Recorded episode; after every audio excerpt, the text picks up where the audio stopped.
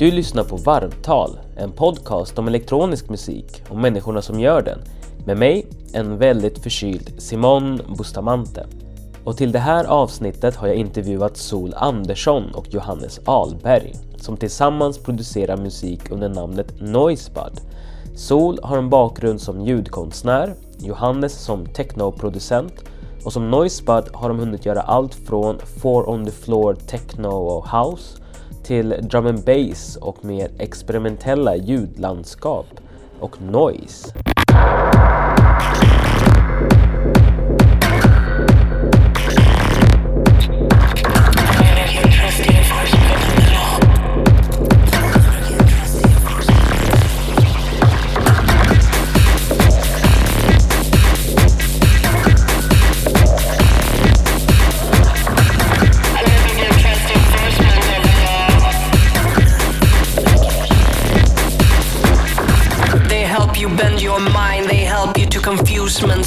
Know when to say yes or when to say no.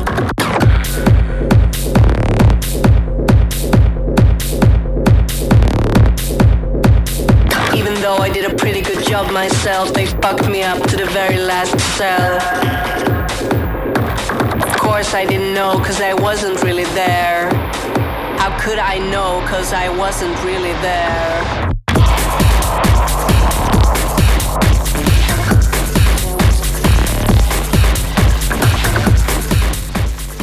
Ja, vi träffades på Svaj. Ja, så, ja, vi har ju faktiskt träffats under åren Ja. egentligen. Så det måste ha varit runt ja, slutet av 90-talet Mm. eh, som vi lärde känna varandra. Men eh, eh, vi gillade väl varandra då också men det vart ju ingenting förrän eh, 2008. Ja, precis. Eh, och då hamnade vi på en fest ihop. Gjorde vi? Ja. På, vi träffades på, vad heter hotellet? Ja, eh, Flim? Var det inte Flim? just det. Ja, det var Ja. det. Precis. Vi hade hörts innan och Ja. snackat någonting. Jag vet Ja. inte vad det var. Men vi sågs där i alla fall. Ja. Så var det. Och då bestämde vi att vi skulle gå ut och käka bara. Ja, Och då gjorde vi det. då gjorde vi det. Och sen så började vi hänga ihop helt enkelt. Mera re, vad säger man? regelbundet. Ja, Ja, faktiskt. det var 2008. Ja, så, så träffades vi. Och sen tog det väl kanske ett halvår. Och så började vi göra musik ihop. Först så hade vi nog sagt att vi inte skulle göra musik ihop. Eller vi hade diskuterat det i alla fall. För att det kan ju vara lite så här, ja, man börjar jobba ihop och så är man tillsammans och så och då... Men det var ingen plan i alla fall att vi skulle göra musik ihop. Nej, vi gjorde så olika typer Ja. av musik också. Och ja, sådär. Ja. Hur skulle vi... Det skulle bli jättekonstigt. Så, och det blev det väl kanske också. Men det blev Noisebud i alla fall. Ja. Ja. Så så var det nog. Mm. Vad gjorde ni för olika typer av musik då? Ja, du höll ju på med den här... Eh, du höll på att ljud, alltså sätta musik till den här eh, Alice i Underlandet. Mm. Eh, första versionen av, av filmen. Från... 1908. Ja. Det höll du på med. Ja. Och du hade precis gjort musik till eh, Ström Just det. också. Mm. Eh, när de skickade ut musik i rymden.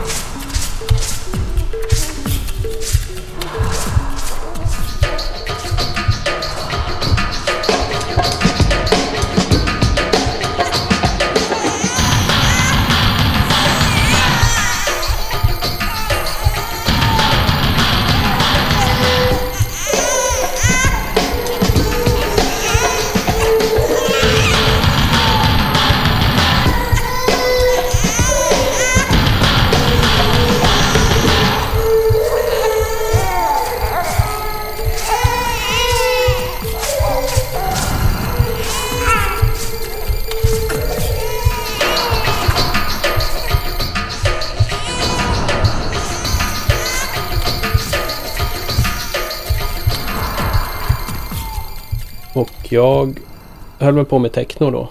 För det hade jag gjort i tio år ungefär då. Höll bara på med techno. Mm. DJa och producera. Mm. Så jag drev en liten label och spelade. Mm.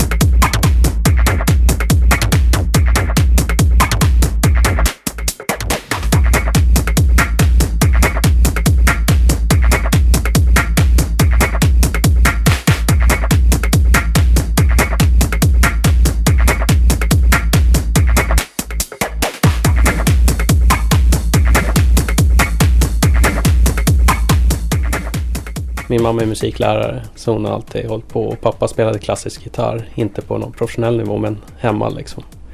Och jag spelade massa instrument. Främst cello. Eh, men jag spelade även lite flöjt och lite annat. Eh, så jag spelade cello och så upptäckte jag eh, elektroniska musiken genom att eh, jag programmerade på, jag hade en Spectra Video MSX 728, en bra burk. Ehm, och jag satt och programmerade, jag höll på med att göra 3D-grejer. Fast programmerade det i, ja, det kallas maskinkod då har jag för mig. Uh, så jag gjorde massa studsande bollar och grejer. Och, och de var rätt lökiga liksom. Men, men, men det var pixlar som hoppade upp och ner. Och jag tyckte det var jättespännande att programmera så här fysikmotorer och sånt där. Uh, sen började jag sätta ljud till de här bollarna och studsande objekten. Så att jag uh, um, och, ja, det var där egentligen det började. Jag började inse att det var ju roligt att göra ljud med datorn. Så att till sist så satt jag och bara programmerade musik fast med en helt svart skärm. Liksom. Så att det var bara ljud. Och till sist så insåg jag när det tog så här ett och ett halvt år att göra klart en låt och programmera allt, varenda ljud från grunden. Liksom, så insåg jag att det här var ju lite dumt. Så då sålde jag alla mina datorer och så började jag köpa syntar och trummaskiner istället. Så det var någon gång på, jag var rätt ung liksom. Jag tror jag var runt 12 när jag gjorde det. Så att eh, då köpte jag en trummaskin, en fyrkanalig Porta och en eller två syntar. Sådär. Och började bara göra musik istället så jag släppte allt programmerande. Alltså jag lyssnade på vinylskivor. Um, vi hade inte så mycket skivor hemma. Uh, men jag älskade um, Jerry Lee Lewis, Elvis och framförallt så här, uh, Temptations, Cloud Nine. Det var liksom gammal soul, gammal funk. Det var min grej. Och det var ju ganska ute kan man säga på 80-talet. Blues och, och sånt. Men det, det var det jag lyssnade på. 50-talsmusik och ja, soul och funk från 60-70-talet.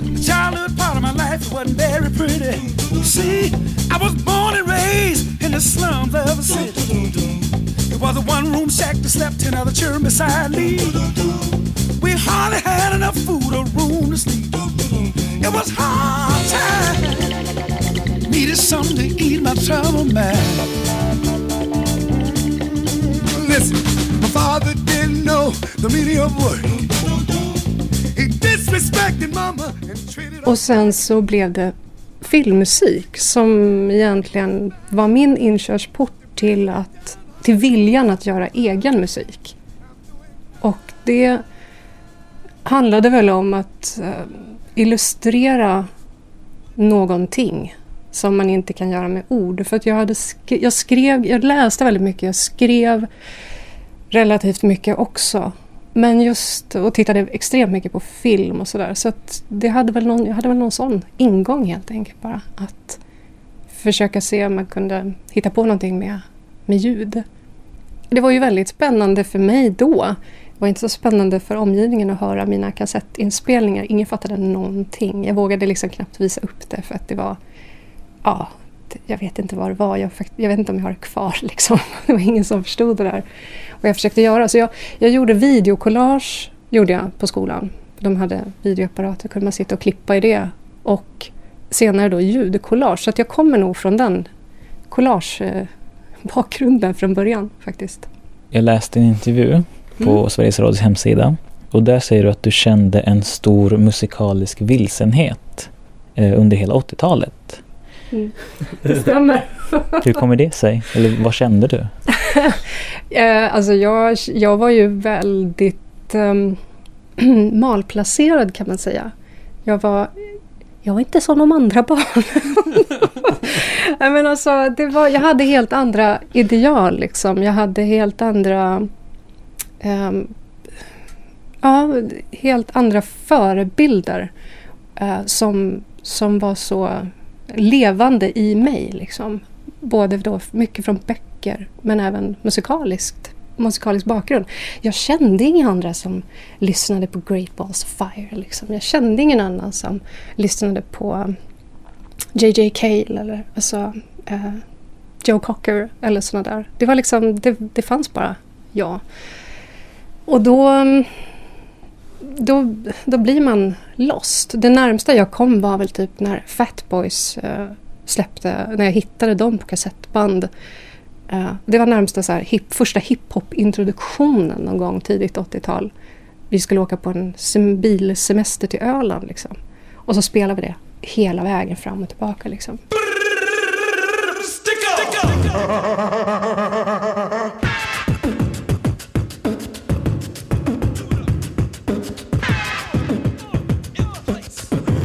When fresh beats and rhymes collide, the result is a hop and the fat boys fight to get ready for this. We give it out no slack, you guessed it. The fat boys are back. Tricks and cool. And the human beatbox one time in your mind. Det var det närmsta jag kom det decenniets musik tror jag. Annars så fanns det ingenting jag kunde relatera till. Alla ljudbilderna, produktionerna. Det här kunde inte jag sätta ord på då. Men det var något jag inte... Jag, jag stod inte ut. Jag mådde dåligt av att lyssna på den typen av musik. Um, så det, ja, det var en, en stor ensamhet och en stor vilsenhet. Som jag senare har fått så här fundera på, men var kommer det här ifrån? Liksom? Och det är väl egentligen det som har gjort att man kanske har letat sig vidare bara till, ja, gått sitt eget spår hela, hela tiden liksom, på något sätt. Jag har alltid varit före eller efter med saker och ting tror jag. Jag har liksom inte riktigt kunnat så här, åh, det här är senaste hitten. Och sen har det synkat med mig särskilt bra. Jag hade andra, andra typer av ideal helt enkelt och jag kände inga andra som läste så mycket böcker som jag gjorde och sådär. Och eh, jag längtade ju bara efter att egentligen ha någon som jag kunde få diskutera det här med. Liksom. Det fanns ju otroligt mycket. Jag förstod att världen bara låg där ute och väntade. Men som tioåring eller åttaåring, alltså det, ja, det, då är man ju ganska fast där man är. Liksom. Och det var sjukt frustrerande för mig. Jag var väldigt arg och frustrerad eh, och ensam. mm. Mina föräldrar lyssnar väldigt mycket på så här vis pop liksom. Eh, ja, mycket Cornelis och sånt snurrade hemma och sen så, ja. Och jag själv innan jag började lyssna på, eller höll på med elektronisk musik själv, för jag började faktiskt göra elektronisk musik innan jag ens hade hört riktig elektronisk musik. Um, så, så jag lyssnade ju på sånt som gick på radion. Men jag lutade åt synthållet liksom. Så att, eh, och rätt, rätt lökiga synt, inte de här tunga syntgrejerna utan det var liksom Alphaville och lite modern talking vet jag och sånt där som är jävligt skämmigt. You're my heart, you're my soul. I keep it shining everywhere I go. You're my heart, you're my soul. I'll be holding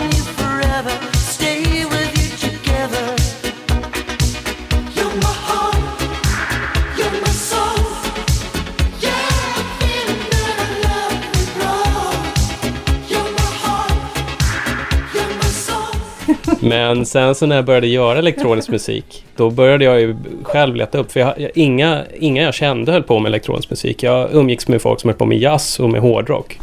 Så att, eh, och de krigade alltid om det vad som var mest musikaliskt. Liksom. Yngwie Malmsteens snabba solon eller liksom, eh, ja, olika jazzgrejer. Liksom. Um, så att jag höll käften för det mesta för att det var liksom ingen förstod vad jag höll på med överhuvudtaget. Eh, men det var så att då när jag började själv, då började jag, liksom, då började jag liksom, jag började med kraftverk och Jean-Michel Jarre och sådana saker. Och sen så började jag hittade jag Ralf Lundsten och därifrån började jag hitta mer ja, experimentell elektronisk musik. Så då var det väldigt mycket det. Samtidigt som min brorsa var punkare. Så att eh, jag blandade, hälften var punk och hälften eller smal elektronisk musik. Eh, så att jag lyssnade på. Så, och det var väl den största, men det var ju liksom när jag var kanske mm, ja, 14 någonting som jag började upptäcka att det fanns eh, ja, ett djup elektronisk musik. Liksom. Att det fanns någonting mer. Så att eh, ja, innan dess så var det inte så mycket. Jag lyssnade på Vivaldi innan också. Ja. Sol, när slutade du känna dig vilsen? Mm, Har du slutat? precis vad jag tänkte också. du, om jag skulle hitta hem då tror jag att jag kanske inte skulle hålla på. Faktiskt. Eh, så det är ju ett evigt eh, sökande efter olika saker. Olika frågeställningar, olika ideal. Alltså man, eh, förhoppningsvis förändras man ju som människa över tid också, utvecklas och sådär. Och då sker också den musikaliska inputen. Eh, så då får man nya intryck och sen så kan man bara leta sig vidare. Så jag hoppas väl kanske att jag aldrig släpper vilsenheten helt. Fast jag kan göra någonting positivt av den nu mer än vad jag kunde då. För att eh, under många år så, liksom så blev det ju liksom mer destruktivt. En, och det är ju det, det värsta som kan hända en människa när man inte får uttryck eller stöd av sin omgivning att eh, kunna kanalisera det som finns inom en eller någon slags um, känslomässig guidning. Liksom. Och då, då kan det ju gå rent inte så bra. Liksom. För du sa ju för en stund sedan, och det sa du även i den här SR-intervjun, eh, att du inte hade någonting, eller kände att du hade något som du kunde identifiera dig med. Och i den här intervjun står det tills du upptäckte den elektroniska musiken. När upptäckte du den? Det var 94. eh, Och då var det, alltså på riktigt var det då, 94. Sen är det klart att jag hade hört lite innan och egentligen inte varit så jätte intresserad. Då kom ju också, det var också stark eh, den här ja, liksom garagerock och liksom sådana grejer var ju på starkt intågande Nirvana och det där som var sjukt bra. Liksom. Jag lyssnade jättemycket på dem. Um, men då upptäckte jag Affix Twin såklart. Vem gjorde inte det kanske? Och um, därifrån, jag hade aldrig hört något liknande liksom. Thank you.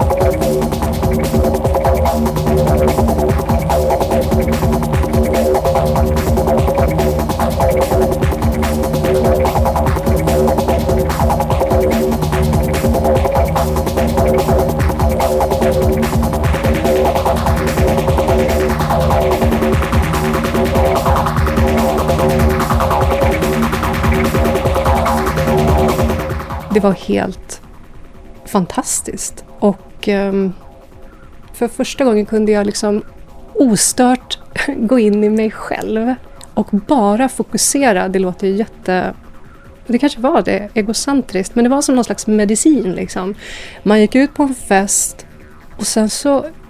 så st- jag gick ut på fester själv, det gjorde ju du också. Vi har ju pratat om det här, det är det som är så kul. Vi kanske har varit på samma fester, det vet man ju inte. För att man stod där i sitt hörn och sen så, så stod man där i 12 timmar och bara stampade. Liksom. Det var det. Eh, och sen åkte man hem. att, och liksom kanske hade inte pratat med en enda människa under de här 12 timmarna. Man gick och drack lite vatten. Liksom. Det, det var inte då, då, på den tiden sålde man inte direkt öl i barerna. Liksom. Eh, så att det, var, det blev ett, eh, ett totalt, vad säger man, ett slags eh, ja, vil, vilrum. Det var så här en, en livsstil som jag aldrig ville lämna. Ja, det var fantastiskt. Liksom. Det var verkligen så här, att komma hem. Låter jätte... Men så var det faktiskt. Och... eh, ja, Det var väl acid-vågen liksom. Just då det. Precis, alltså det var ju Detroit mycket... Ja, fast jag lyssnade en del på Gabber måste jag ju säga faktiskt. Det var ju det första. Eh, och även de här eh, jävla holländska... Eh, fan heter de här? Eh, de släppte ju såna här samlingar. Det var nog ändå innan till och med. Det var ju katastrofdåligt. Fast det är jätteroligt. Jo, Thunderdome-samlingarna, de första. Och det var, för det var ju bara, det skulle vara så jävla bara hårt och eh, jag vet inte vad, jättemärkligt.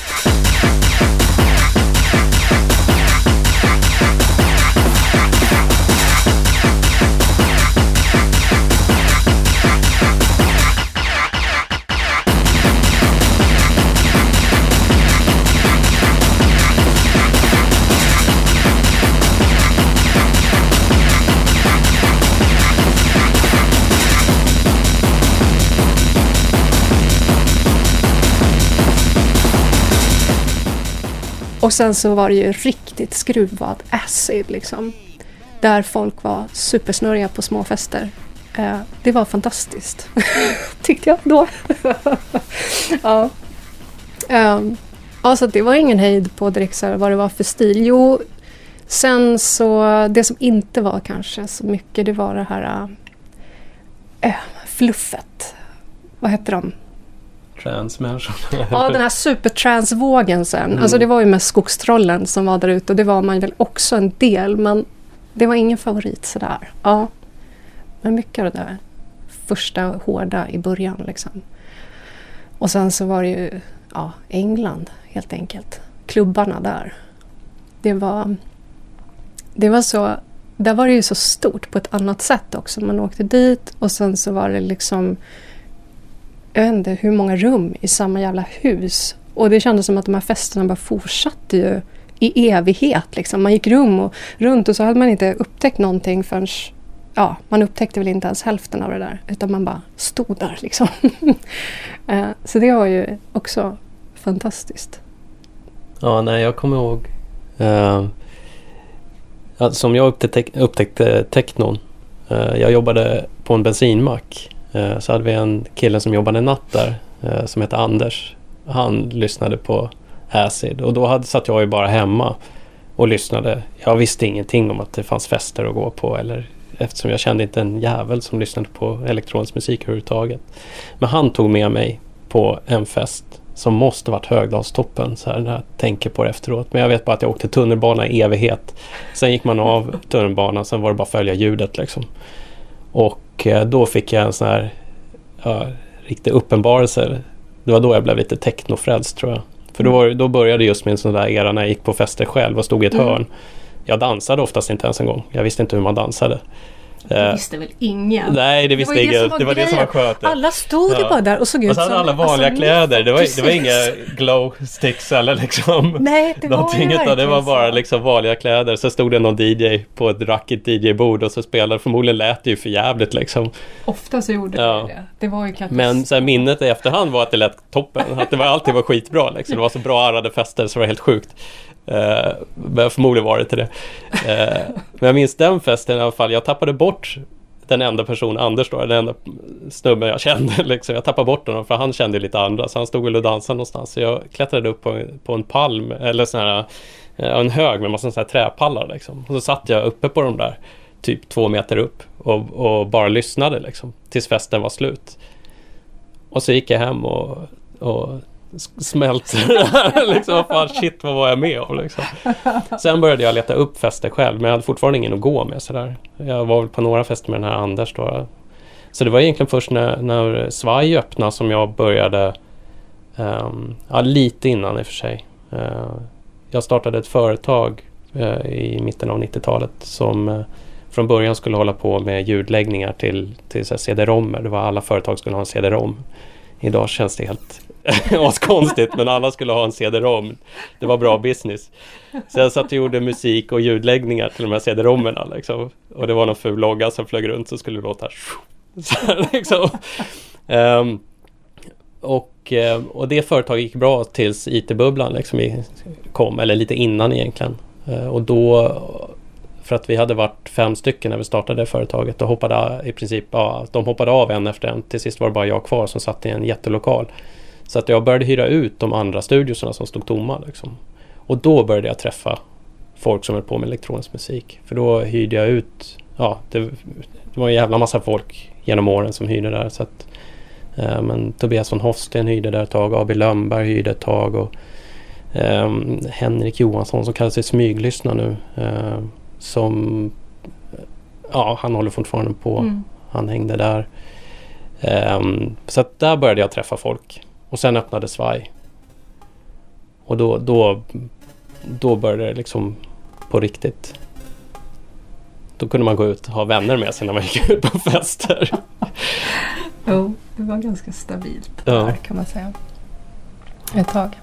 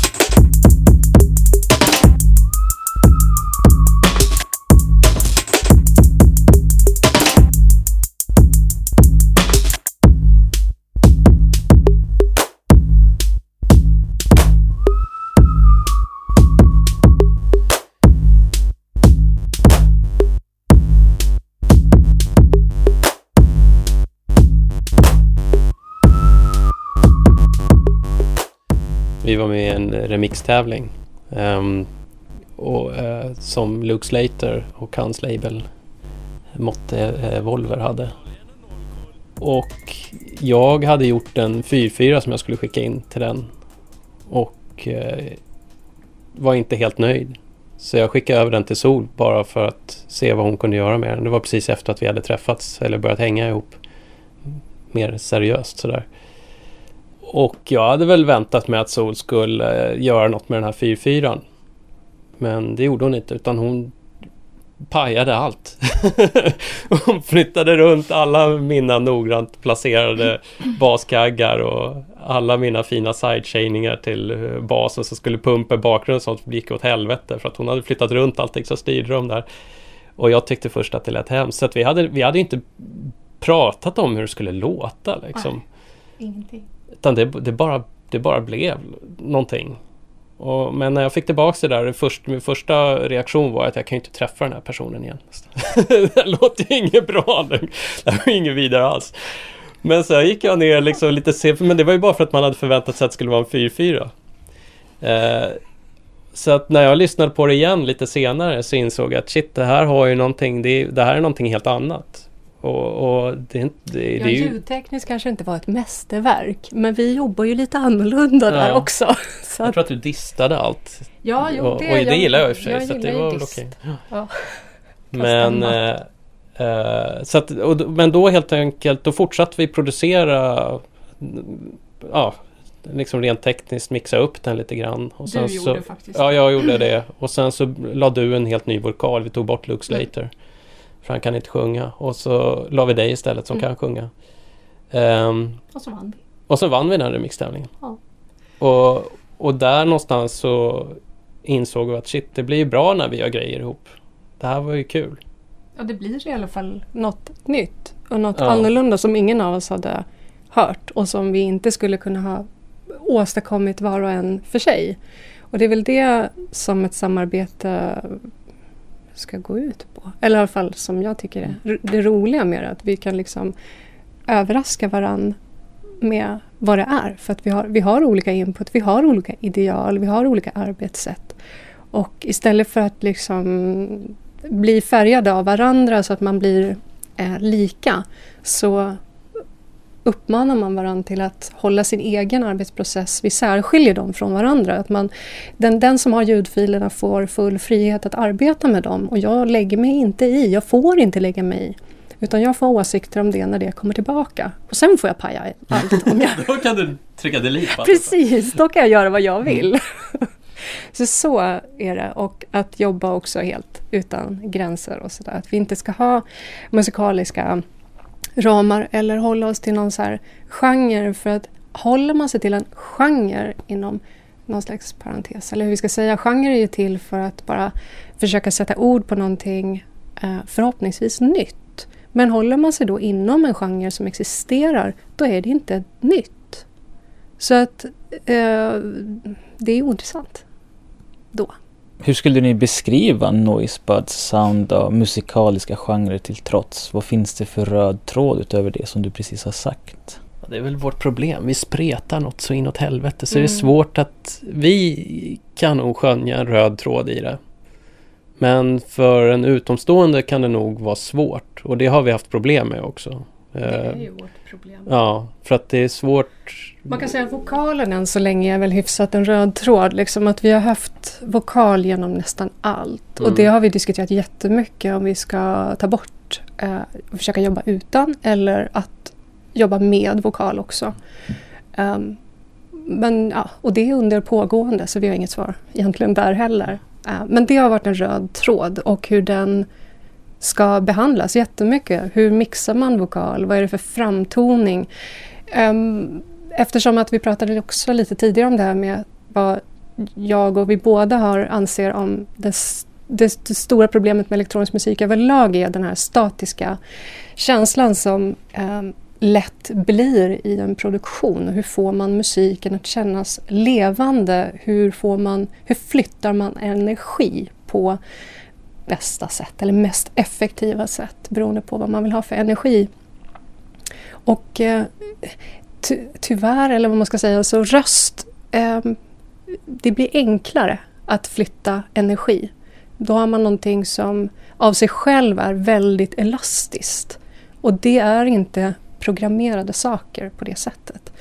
Eh, så att jag tror att det har varit ändå någon slags hjälp för oss att ha rösten med. Och nu har vi väl strävat, sedan ett tag tillbaka har vi väl eh, det här med eh, vi har hittat ett beg- hittat, ja vi plockade upp, nej. vi kom på, eller vi funderade mycket runt begrepp eh, elektronisk punk. För att vi båda eh, uppskattar punk på olika sätt, tror jag kanske snarare. Eller jag vet inte hur du gillar punk, men jag älskar punk i alla fall. Ja, ja, men det är energin i det plus att det oftast finns ett budskap i det. Eh, som jag gillar, oftast ganska starka budskap. Mm. Eh, utom din favoritpunklåt här alltså. Heter, vad fan heter den? Aj fan vad ont det gör. Nej, kuken, kuken i styret heter den. det är en jävligt bra låt men den har kanske inte så mycket, det betyder inte så mycket. Jo, Förutom- den- den- Ja, det gör ont att få kuken i styret. Han fick hakan i min bak och huvudet i en kloak. Jag gjorde illa min lilla sak. Aj, aj, aj, aj, jag fick kuken i styret! Kuken i styret! Kuken i styret! Kuken i styret! Han låg där på gatan och jag låg bredvid. Eh, nej men det är vad jag, jag gillar energin i det liksom och där kan jag tycka att, att eh, det, det är inte många elektroniska genrer som lyckas ha den energin. Det finns. Men väldigt mycket elektronisk musik är ganska energilös. Därför att det är svårt att göra liksom. Det, menar, det är klart att sätter du dist på en gitarr och börjar spela så den har liksom en aggressivitet och en attityd i sig från grunden medan ett syntljud får du skruva på ganska, ja, du får skruva ganska länge innan du kommer till samma ställe liksom. Ja, om du tittar på hur ljudvågorna rör sig så rör de sig ju annorlunda. Ja, liksom. precis. Eh, och en dist fuckar ju upp ljudvågen direkt också vilket Ja. gör att det, det händer någonting. Så det är inga konstigheter på det sättet. Och, och rösten innehåller ju mycket mer övertoner också eh, än vad mycket elektroniska ljud gör. Så att eh, det, ja, det är väl det. Vi, lite behåller vi det, liksom, tror jag. Sen, ja, just att förmedla budskap som jag sa, kommunikation är liksom hyperintressant. Uh, och uh, oh, det är ändå en del man vill säga kanske. som, som, uh, som ja, så att jag får ut den här aggressiviteten och frustrationen och allt det här som, som jag behöver få ut. Liksom. Och det, då är det här ett bra forum att göra det för. På ett positivt sätt också. Vad för budskap? Eh, Vilka teman eller liksom ämnen har ni berört än så länge? Ja, än så länge så har vi väl berört ehm, till exempel överlag så är vi båda ganska överens om att alltså, sätta, sätta till fler lagar och bestämmelser är att motverka sitt syfte. Liksom att länder har alltså, gränsdragningar överlag är också jättekonstigt. Att äga saker är jättekonstigt. Ehm, så vi berör saker som Tipper Sticker Story där det är en porrnovell helt enkelt. Där vi pratar, och varför vi satte den labeln var ju för den här Tipper Sticker. Förr på CD-skivor så fanns det den här lilla explicit lyrics. Ja, och det är en Tipper Sticker. Och det var Al Gores fru va? Mm. Tipper går. Tipper Gore. Som därifrån kommer det. Mm. Och det här är då Tipper Sticker Story. Där vi helt enkelt eh, ja, Vi kör eh, as, väldigt grovt liksom. Eh, Det är Sol som berättar om jag kommer inte ihåg hela storyn men det, den, är ganska, den är ganska brutal. Liksom. Det är väl två eller två, tre, styck, tre som har sex Ja, genom hela låten. Exakt. och gör, gör allt. Ja, man kan göra. Eller så Mm. mycket man hinner med då på fem minuter precis. eller vad det är. Vi gjorde en part två också men den blev ingen bra. Nej, inte lika Nej, men eh, ja, och där, där kan man ju liksom om man bara lyssnar på låten så är det bara ytterligare en, en techno, en 4-4 techno-dänga. Ja, den är lite house, lite ganska snäll sådär men och så är det lite porr för porr säljer liksom. Dear, I can tell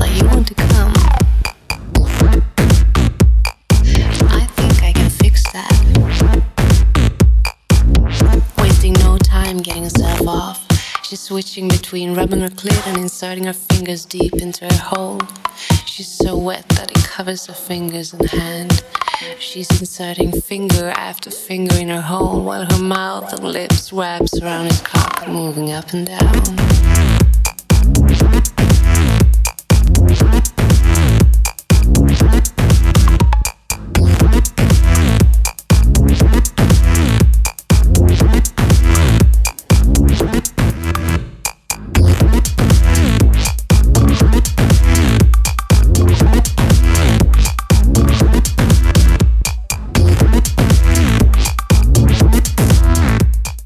Men där kommer ju budskapet just med att den heter Tipper Sticker Stories. Liksom att det, så att det blir en koppling till Ja, och Att- lyssnar man ja. på texten så är det ju... Eh, den, det, är fler, det är fler som har velat spela den men de vågar inte spela den. Och inte i radio heller för att eh, den är lite då för mycket. Och vi har fått så här Men- explicit eh, märkning på den. På iTunes och på, på, ja, på Spotify och alla de där. Och det, det var ju liksom lite syftet med det. Så att eh, det är lite roligt.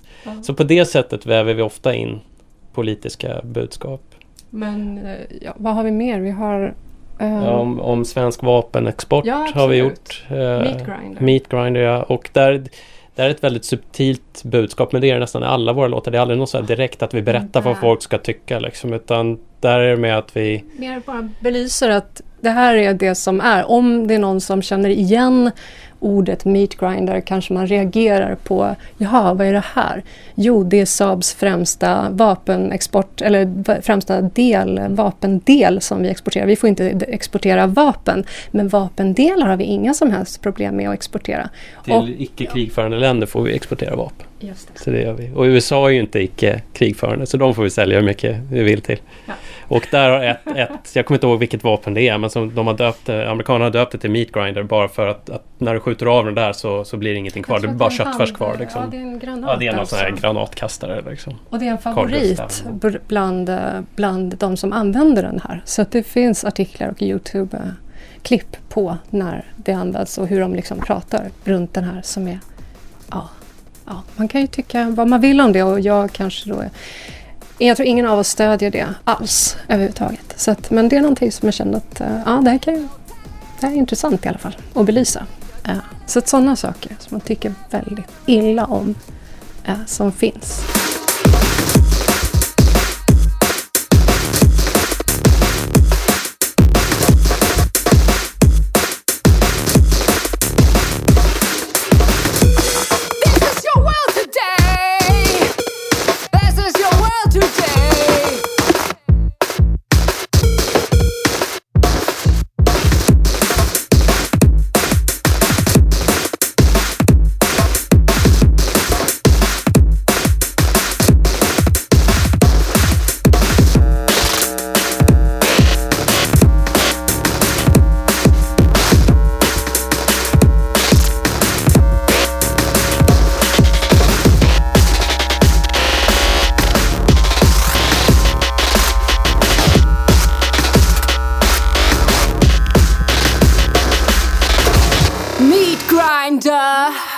Så att visst, vi är inga, liksom, vi är inga partybröllopsspelningar så.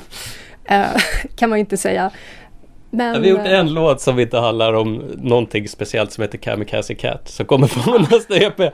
Men den handlar om vår förra katt som har gått bort nu tyvärr. Men eh, hon älskade att när vi bodde på Gotland så hade Sol sin studio på övervåningen i huset vi bodde. Hon älskade att hoppa ut från fönstret ner på innergården från studion och sen springa upp för trappan igen och så hoppa ner igen. Och hon gjorde det verkligen som så här kamikaze bara! Så, här. så då gjorde vi en låt där då som heter Kamikaze Cat och det är den enda vi har som inte har en baktanke med sig förutom att det är en jävligt glad katt. Som hoppar ut genom ett fönster liksom. Eh, Och låten är väl sådär men den är rolig att spela live.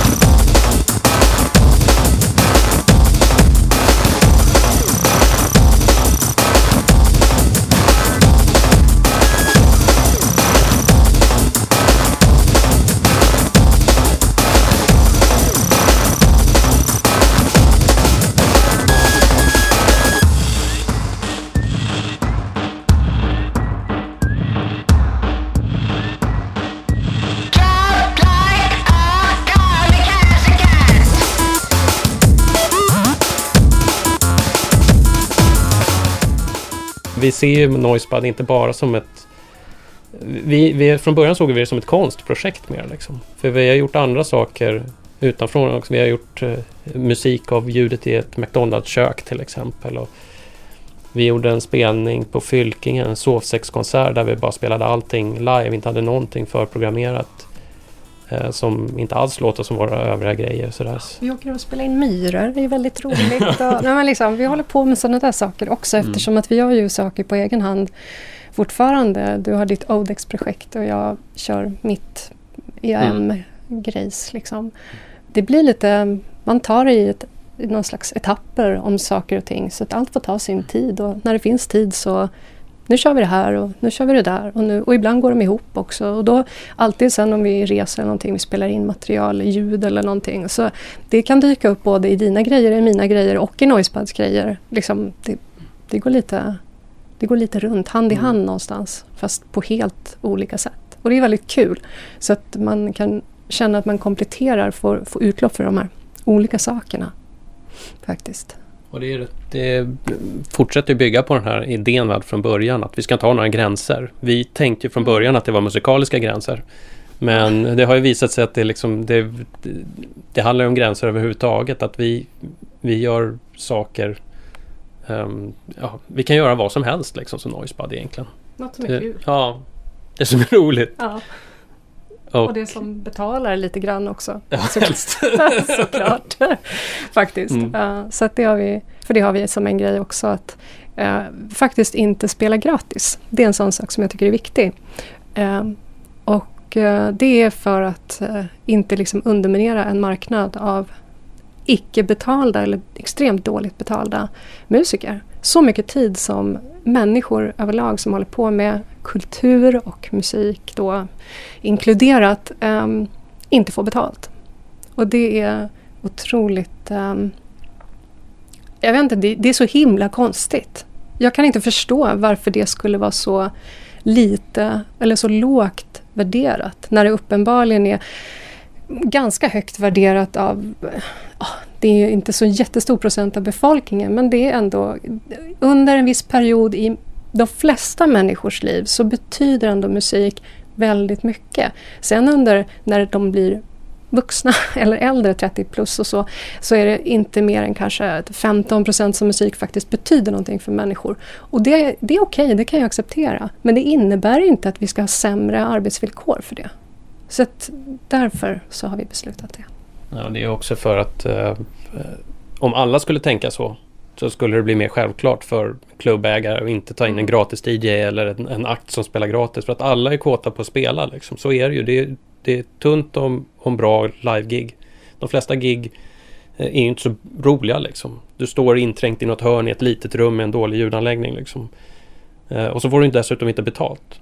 Men ja, så att det, det borde vara mer självklart att, att, eh, att ja, det, man pröjsar. Det behöver inte vara mycket betalt, det är inte det. Men Nej, Men men, att- någonting ska att det- man ju ha, en precis. kompensation. Det är Ja. ju liksom, det är ett arbete som alla andra. Du står ju där, det är inte bara den stunden du står och spelar Du dina låtar. och- Du har gjort låtarna för det första, det kommer någonstans ifrån. Mm.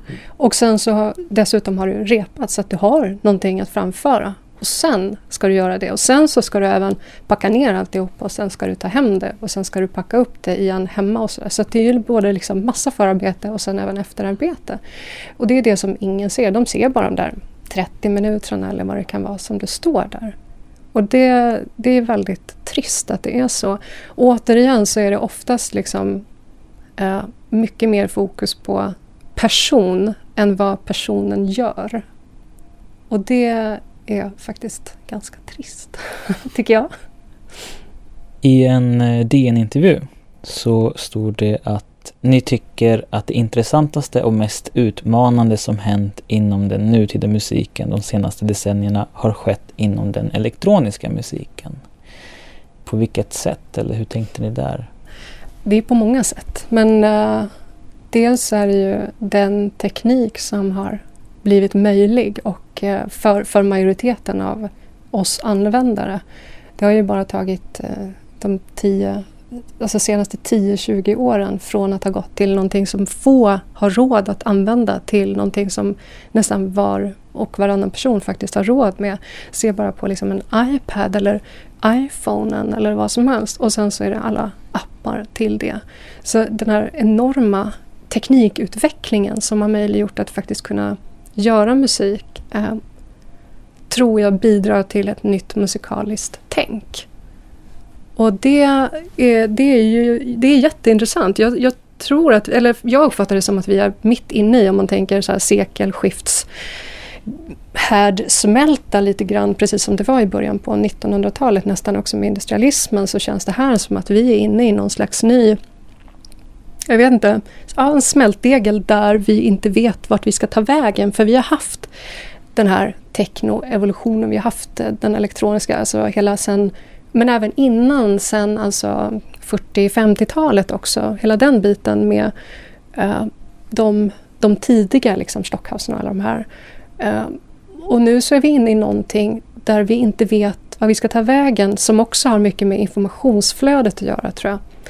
Nu när vi lyssnar på radio, det är så himla roligt. Alltså det här med man nöjer sig inte längre med att ha en genre i en låt. Utan nu är det liksom det är rap metal och det är så här, Lite dubstep.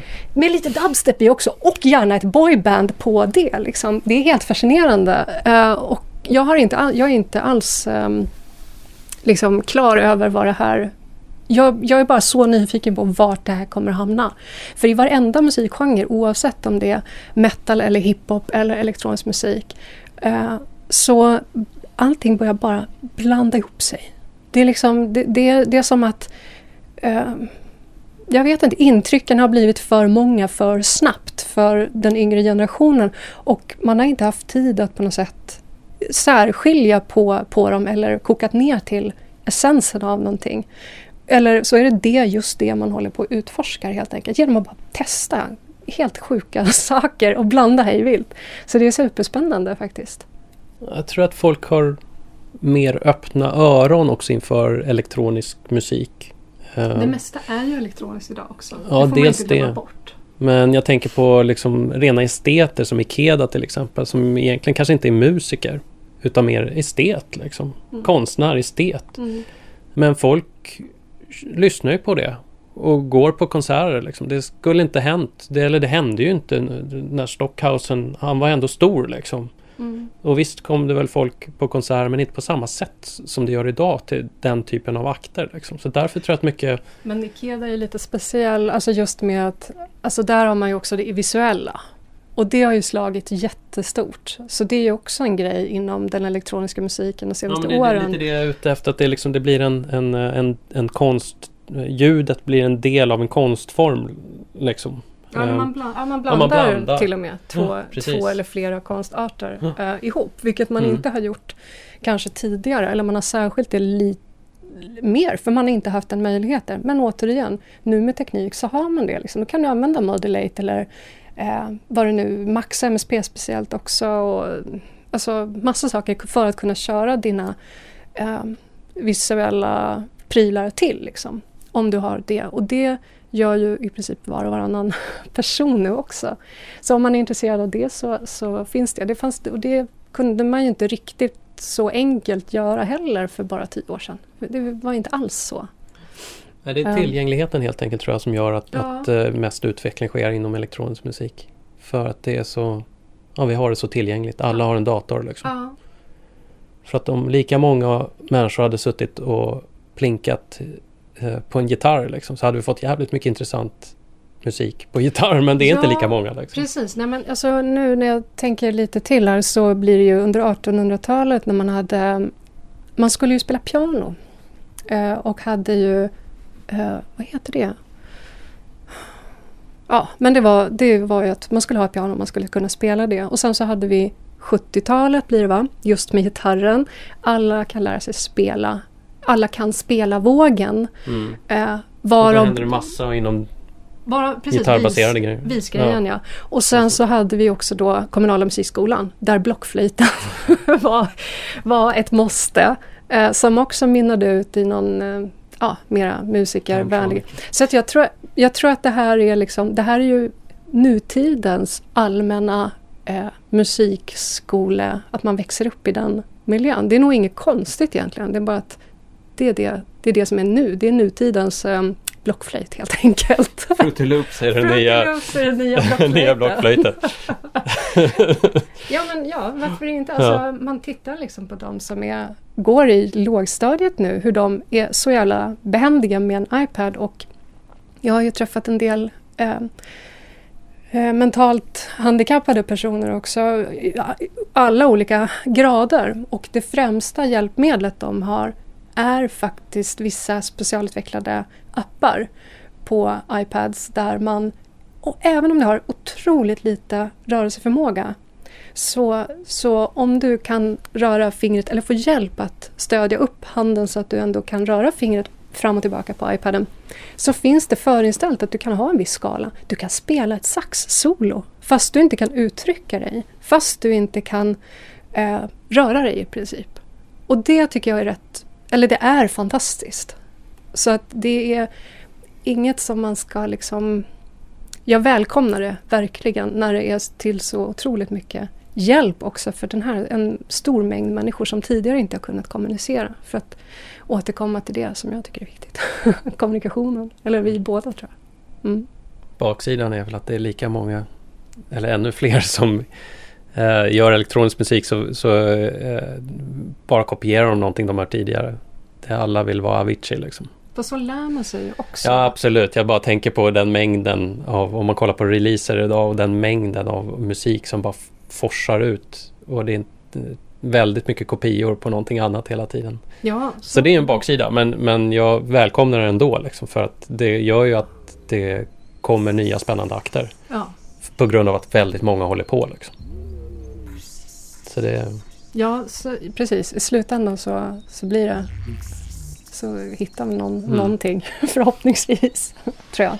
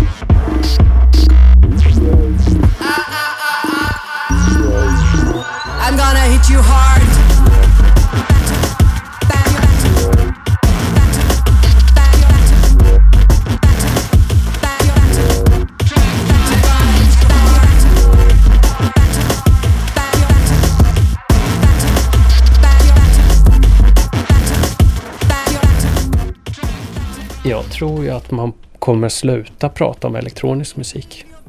Jag tror att det kommer försvinna. För att eh, allting är elektronisk musik idag. Sitter du och gör Mm. en popdänga så sitter ju folk med Ja, det ser ungefär likadant ut som när du gör en technolåt. Så att jag tror att liksom begreppet elektronisk musik kanske Alltså, kommer försvinna. Paraply, precis, för det Ja, är ju det- ett paraplybegrepp. Mm. Och just nu är det liksom det översta paraplyet. Och sen under det så har du massa små... Det är liksom som att elektroakustisk musik, som, ja, om jag säger det så kanske inte så många vet vad det är, men under det begreppet så har du också massa olika små paraplyer. Så det där är snart så, så förhoppningsvis så är det bara så här, ja du har rock och så har du hiphop, du har funk, soul. Alltså det är bara en genre som allt annat utan specifikation. Men att just som du säger, prata om just elektronisk musik är tror Jag, att det kommer tycker det är rätt konstigt genre. faktiskt Mm, överlag. För egentligen är ju hiphop också elektronisk musik. Så Ja. jag tror att, man, att det kommer bli mer. Man, vi, det skapas ju nya genrer hela tiden. Det tror jag att vi kommer fortsätta med. Att det ploppar upp liksom att när dubstep har blivit för mainstream så måste klubbkidsen hitta på ett nytt ord för någonting nytt för att... Och så, så kommer det fortsätta. Men jag tror att man tar nog bort det där paraplyet helt enkelt. Och så låter man det vara genrer. Ja, det vore ju rätt skönt i alla fall om Mm. man kunde ta det dit. Alltså, för att det är Jag så hoppas på det i alla otroligt- fall. Ja, men det är så himla tjatigt, Ja. tycker du inte det? Mm. Med, med att det ska vara så här, att det fortfarande krävs liksom ett specialprogram, eller flera, för bara elektronisk musik. Liksom.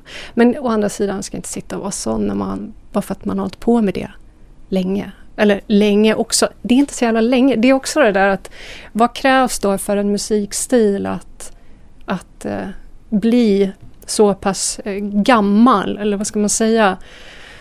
Hiphop, var det, är det 80, nej 70, slut, mitten av 70-talet kanske. Så att vi är väl snart där också. Det borde vara ganska, ganska snart. Kan vi få ta bort den där stämpeln? Och eh, alltså framtiden, just nu så... Eh, det som är, som är ja, både intressant på ett sätt och kanske tråkigt. Men eh, det är i alla fall att det lyckas vara genreöverskridande, alltså mellan olika konstarter som kanske inte så mycket annan musikstil har varit. Att det börjar återknyta till någon slags eh, ett utbyte mellan olika konstarter, vilket jag har saknat tidigare. För att det finns ju så otroligt mycket att hämta från litteratur och konst. Eh, själv så blir jag sällan inspirerad. Ingen av oss, alltså vi lyssnar ju inte jättemycket på musik. Det, är liksom, det blir när man har tid eller måste så här, hitta ny musik. Liksom. Men annars så finns inte riktigt den tiden. Däremot läs, jag ser till att läsa. Jag ser till att vi går iväg på museer. Alltså, väldigt mycket därifrån kommer det. Titta mycket på film. Så att de flesta influenserna är fortfarande de andra konstformerna för min del. Och det börjar ju i alla fall också någonstans knytas ihop lite grann. Och det tycker jag är jättekul. Vilket gör att det som, om man säger det här elektroakustiska och mer experimentella som vi också håller på med. Det, det finns en chans, det finns en öppning att, att det kan få också få plats. Att det kan få komma ut. Att musik inte behöver låta på ett visst sätt. Att musik, begreppet musik vidgas även för den gemene, för gemene man att musik kan vara någonting mer än en, en, en låt i fast form. Musik är ju visst en ljud i en tidsaxel men att det kanske kan vara lite mer öppet i vad som händer under den tidsaxeln. Det tycker jag skulle vara kul faktiskt. Om det blev mer accepterat. Ja. Wake up puffy eyed. Who the fuck invented the snooze? Mixing morning cocktails, some uppers, downers, and neutralizers. Who the fuck invented the snooze? Uh, 20 minutes late. I need a good excuse, but the Duracell rabbit's working faster than my brain at 7 a.m. Had to wait another five, so I was never on time. I might just lay down and die.